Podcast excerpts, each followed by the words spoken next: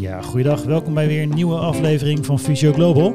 Mijn naam is Melvin Bos, fysiotherapeut, manueel therapeut en ook de presentator van vandaag. Vandaag heb ik uh, een aantal gastsprekers in de uitzending van deze podcast. Uh, allereerst uh, Maarten Beek van Terasmus. Hij heeft net een lezing gegeven op het congres, online congres van de NVVL. En ook Juri Gillissen is aanwezig, uh, ook vanuit de NVVL. Uh, welkom heren in deze podcast uh, aflevering. En dan gaan we aan de slag. En dan is het denk ik goed om eerst een introductie te doen. En dan vervolgens gaan we gaan verder met de inhoud van de lezing van Maarten Beek. Zo, welkom Maarten in deze podcast aflevering. zou je eerst kort kunnen introduceren aan de luisteraars? Uh, ja, nou, leuk dat we dit doen. Ik ben Maarten Beek, ik ben uh, chirurg in opleiding. Ik zit uh, nog drie maanden in het Erasmus MC en dan mag ik nog mijn laatste jaar van mijn opleiding tot chirurg in het Amphia ziekenhuis in Breda doen. ik heb net mijn promotieonderzoek kunnen vertellen. En dat is onderzoek wat ik heb gedaan naar nieuwe behandeling van de oksel, chirurgisch, bij vrouwen met borstkanker. dat onderzoek heb ik gedaan vanuit het Amphia ziekenhuis in Breda. Oké. Okay. Nou, daarnaast is natuurlijk Juri Gillissen aanwezig. Welkom Juri in deze podcastaflevering. Dank je. Ja. Uh, zou je wat kunnen vertellen ja, wat je op dit moment doet? Ja, nou, Juri Gillissen, ik ben um, was voorzitter van de NVVL tot vorige week. Uh, ik ben oncologie-fysiotherapeut. Uh, vaak uh, werk ik inderdaad met oncologische patiënten. Voor doordeemklachten toch schakel ik mijn collega's in. We werken altijd multidisciplinair.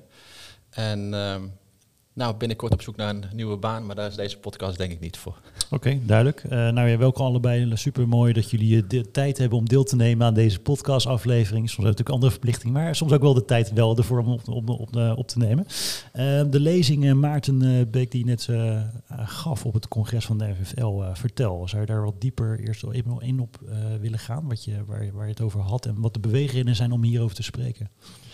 Uh, ja, het, ging over uh, de ARM-studie. Dat is, uh, ARM staat voor Axillary Reverse Mapping. En dat is mijn promotieonderzoek geweest die ik in het Amphia ziekenhuis in Breda ben gestart. En uiteindelijk was het een multicenter studie.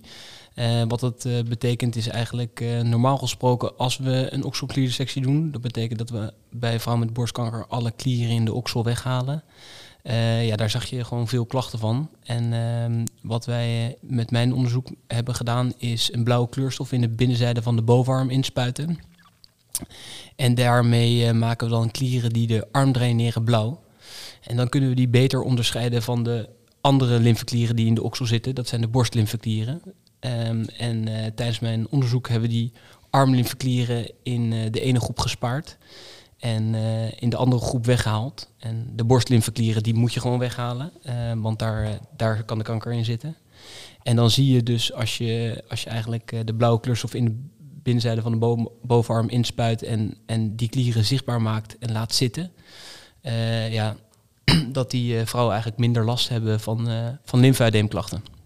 Oké, duidelijk. dus waren natuurlijk ook wat vragen uit de chat tijdens de online congres van FVL Jury. Ja. Uh, en ook wat punten om in ieder geval voor te leggen aan uh, Maarten Beek over, uh, over dit topic. Ja, nou, er was onder andere een vraag over de meterinstrumenten die werden gebruikt, of in ieder geval de waterbank, om het, het lymfodeem te meten. De vraag was ook van, nou, moeten collega's dat in de praktijk moeten gaan gebruiken? Um, en daar heeft Maarten denk ik een goed antwoord op gegeven, dat dat redelijk kostbaar is. En uh, wat denk ik wel belangrijk is om, om te weten is van heeft het een effect op je fysiotherapeutische behandeling. Ik denk twee jaar geleden hebben we ook een, um, hadden we iemand, een, een, een ontwerper eigenlijk, die had een uh, heel mooi meetapparaat die echt tot 100% nauwkeurig het volume van de arm kon meten. Die zei ik van nou, kunnen, willen je collega's daar niet uh, mee gaan werken? Dat is de gouden standaard. En toen de vraag was, ja maar wat heeft jouw meting nu, dat dat op 1 honderdste kant ten opzichte van die centimeter voor invloed op die fysiotherapeutische behandeling? Nou, dan zagen we dat daar eigenlijk geen invloed is. Dus dan lijkt het niet nodig om anders dan we nu doen. En wat eigenlijk ook wel gevalideerd is, het meten met de meetlint uh, te doen. Oké, okay, uh, Maarten, heb je aanvulling op het uh, Jury nu aanhaalde? Ja, ik, ik heb dat net ook verteld. Kijk, ik ja. ben het helemaal mee eens. die waterbak die is erg kostbaar. Ja. En je gebruikt hem natuurlijk niet iedereen die in je fysio komt, komt voor lymfadeem. dus je gebruikt hem niet constant. En dat ding staat best wel in de weg. Het is een groot apparaat. Ja.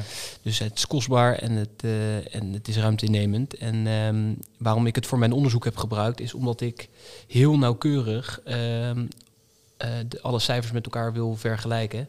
En eh, de metingen die in mijn onderzoek werden gedaan, werden dus, wat ik zei, in verschillende ziekenhuizen gedaan, maar ook door ver- verschillende verpleegkundigen. Ik kan me voorstellen als je een, eh, een, een fysiotherapiepraktijk hebt, eh, dat je eigenlijk toch je eigen patiënten zelf terugziet. En als je gewoon van jezelf weet eh, hoe je het meet met de centimeter, en dat bedoel ik, trek je hem altijd helemaal strak rond de arm of laat je hem juist losjes zitten. Eh, en waar meet je hem? Meet je hem bij de pols of meet je hem net boven de elleboogsprooi? Ja, dat zijn eigenlijk de belangrijkste dingen. En ja, hè, wat, wat, wat ik denk is dat het niet zoveel uitmaakt of het nou een paar millimeter eh, eh, meer is of minder. Maar je moet gewoon de trend zien. Wordt het lymfadeem meer of minder? In In zijn de algemeenheid, zeg in maar. Dus algemeenheid. niet in de nauwkeurigheid van hè, Nee, iets meer dat of dat, maar ja, eh, kijk, wat, wat is de totale lijn in het hele, Juist, tijdsvolgorde? je wil gewoon zien, plan, denk ja. ik, als fysiotherapeut, en dat, dat wil ik ook eigenlijk terug horen als ik dan een brief krijg van de fysiotherapie, gaan we de goede kant op. Ja. Ehm, terwijl in mijn onderzoek ja, ga je verschillende behandelingen met elkaar vergelijken. En dan, ja, dan moet je gewoon heel nauwkeurig de cijfers weten. En zo nauwkeurig mogelijk meten, omdat er ook verschillende eh, verpleegkundigen eh, verschillende patiënten meten. Ja, oké, duidelijk. Zijn er nog meer punten die naar voren kwamen tijdens de chat, eh Juri? Nou, wat, wat collega's ook wel vaker zien aan de sentinel node procedure is de axillary web syndroom. Dus dat er toch eh, ja, klachten ontstaan in het beloop van de, van de lymfevaten, eigenlijk waar de lymfeklieren zijn verwijderd. Ehm, nou, en daar werd ook van gevraagd van, van hoe komt dat, wat kunnen we daartegen doen. Ehm, en ik weet niet, ik denk dat Maarten die vraag dan het beste nu kan beantwoorden. Ja, ik, wat ik net zei, dat, dat kijk, ik, ik denk dat het gewoon is wat ik net ook zei. Ehm, ik heb daar geen onderzoek naar gedaan, dus ik kan dat nooit eh, keihard zeggen. Maar ik weet wel dat meestal eh, zien we dat de lymfeklier, de, de, de, de central node, eh, eh, een oppervlakkige klier is die we gemakkelijk kunnen verwijderen. Soms is die procedure wat lastiger en dan zit die wat dieper in de oksel. Je kan je voorstellen als je dieper in de oksel bent dat je toch wat meerdere structuren aan de kant moet houden. Ehm, en ik denk hoe meer je opereert, dus hoe meer weefsel je, je aanraakt wat, eh, wat er niet uitgehaald hoeft worden, eh, hoe meer klachten je daar achteraf kan krijgen. En Maar maakt, maakt, die diepte, eh, maakt die diepte ook nog uit qua complexiteit voor jou? Qua ingrepen? Nee, zeker. Dat, dat maakt voor de, de, uiteindelijk de lymfeklier eruit halen qua complexiteit niet uit. Het Maar meer welke weefsel natuurlijk eh, meegenomen. Nou, waar ik het meer over had, is als je, als je de schildklierprocedure vergelijkt met de okselkliersectie, dat is natuurlijk wel twee totale werelden, maar je ziet dat de klachten van de schildklierprocedure veel minder zijn dan eh, als je alle klieren verwijdert. Ja. Nou, dat komt ook omdat als je alle klieren verwijdert, dan haal je niet alleen de klieren weg, maar je beschadigt ook een aantal structuren. Zoals ik had gezegd, de nervus intercostal brachialis wordt meestal meegenomen, ehm, die je bij de schildklierprocedure normaal gesproken niet beschadigt.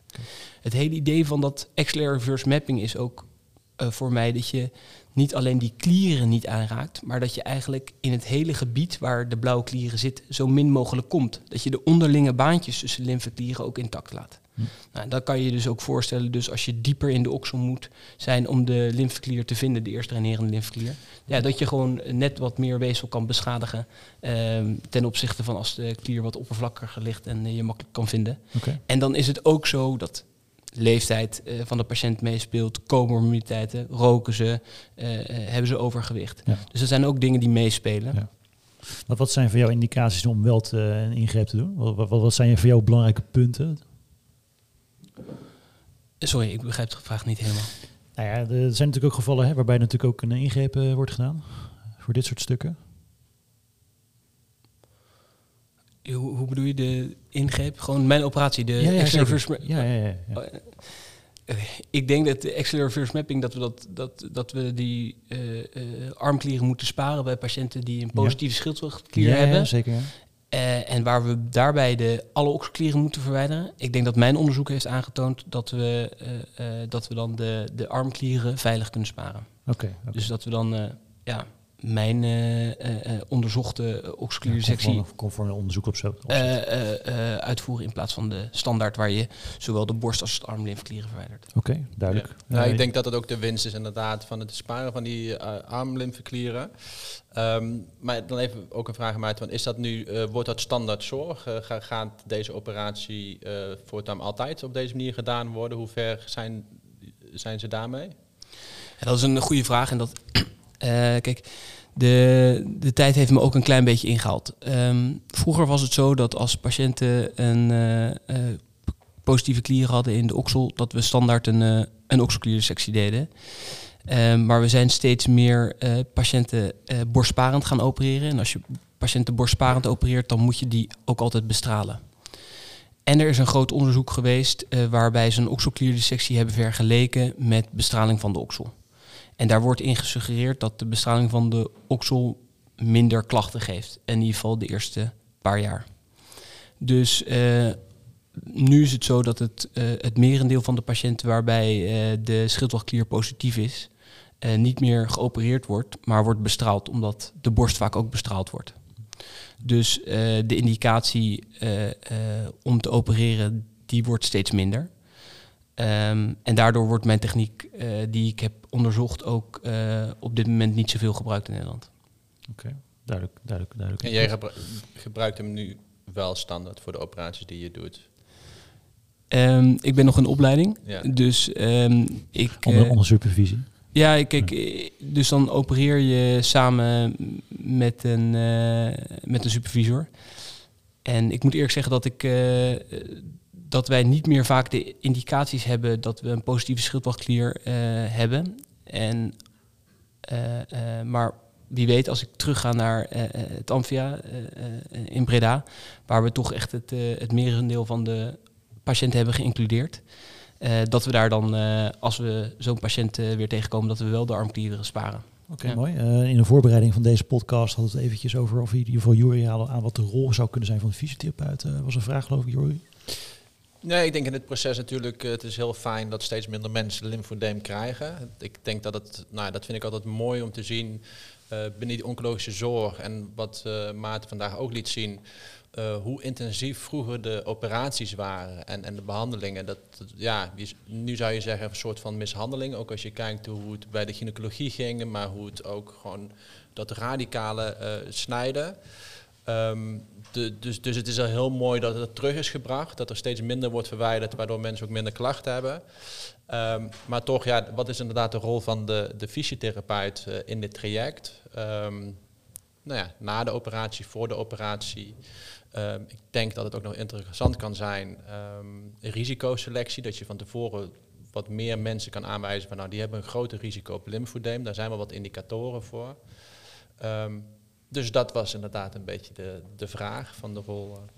Ja, uh, kijk, wij doen natuurlijk ook een beetje een voorselectie. Dus uh, bij ons is het zo dat patiënten waar we de borst amputeren en waar we alle klieren in de oksel verwijderen, die patiënten krijgen postoperatief altijd een twee drains. Eentje um, laten we achter waar de borst heeft gezeten en eentje laten we achter in de oksel.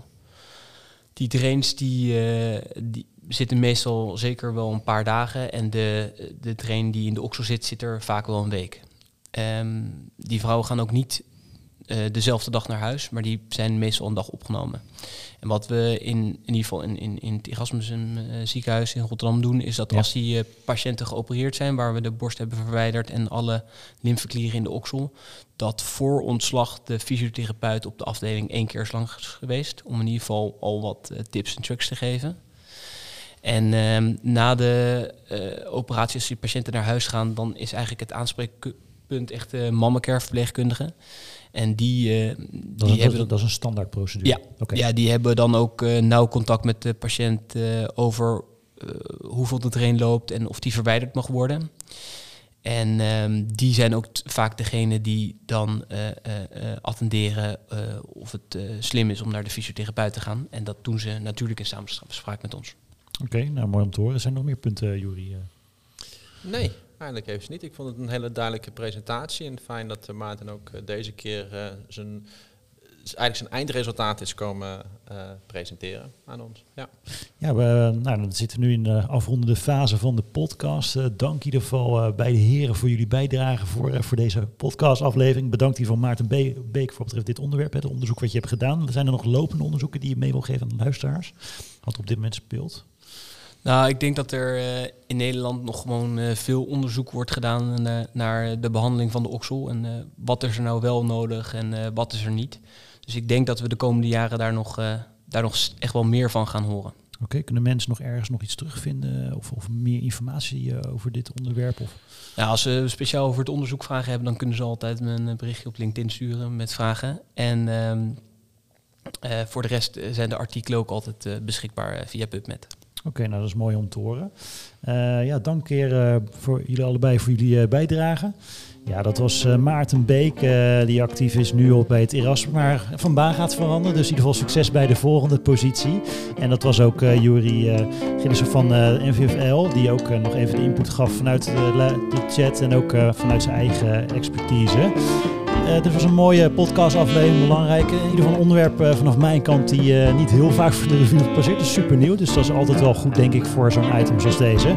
Als je meer wil weten, stel een vraag op de chat op social media van Visio Global. En anders tot de volgende podcastaflevering. Dank nogmaals voor het luisteren.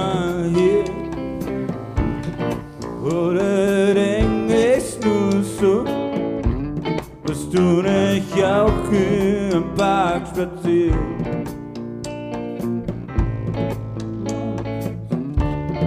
running for the city.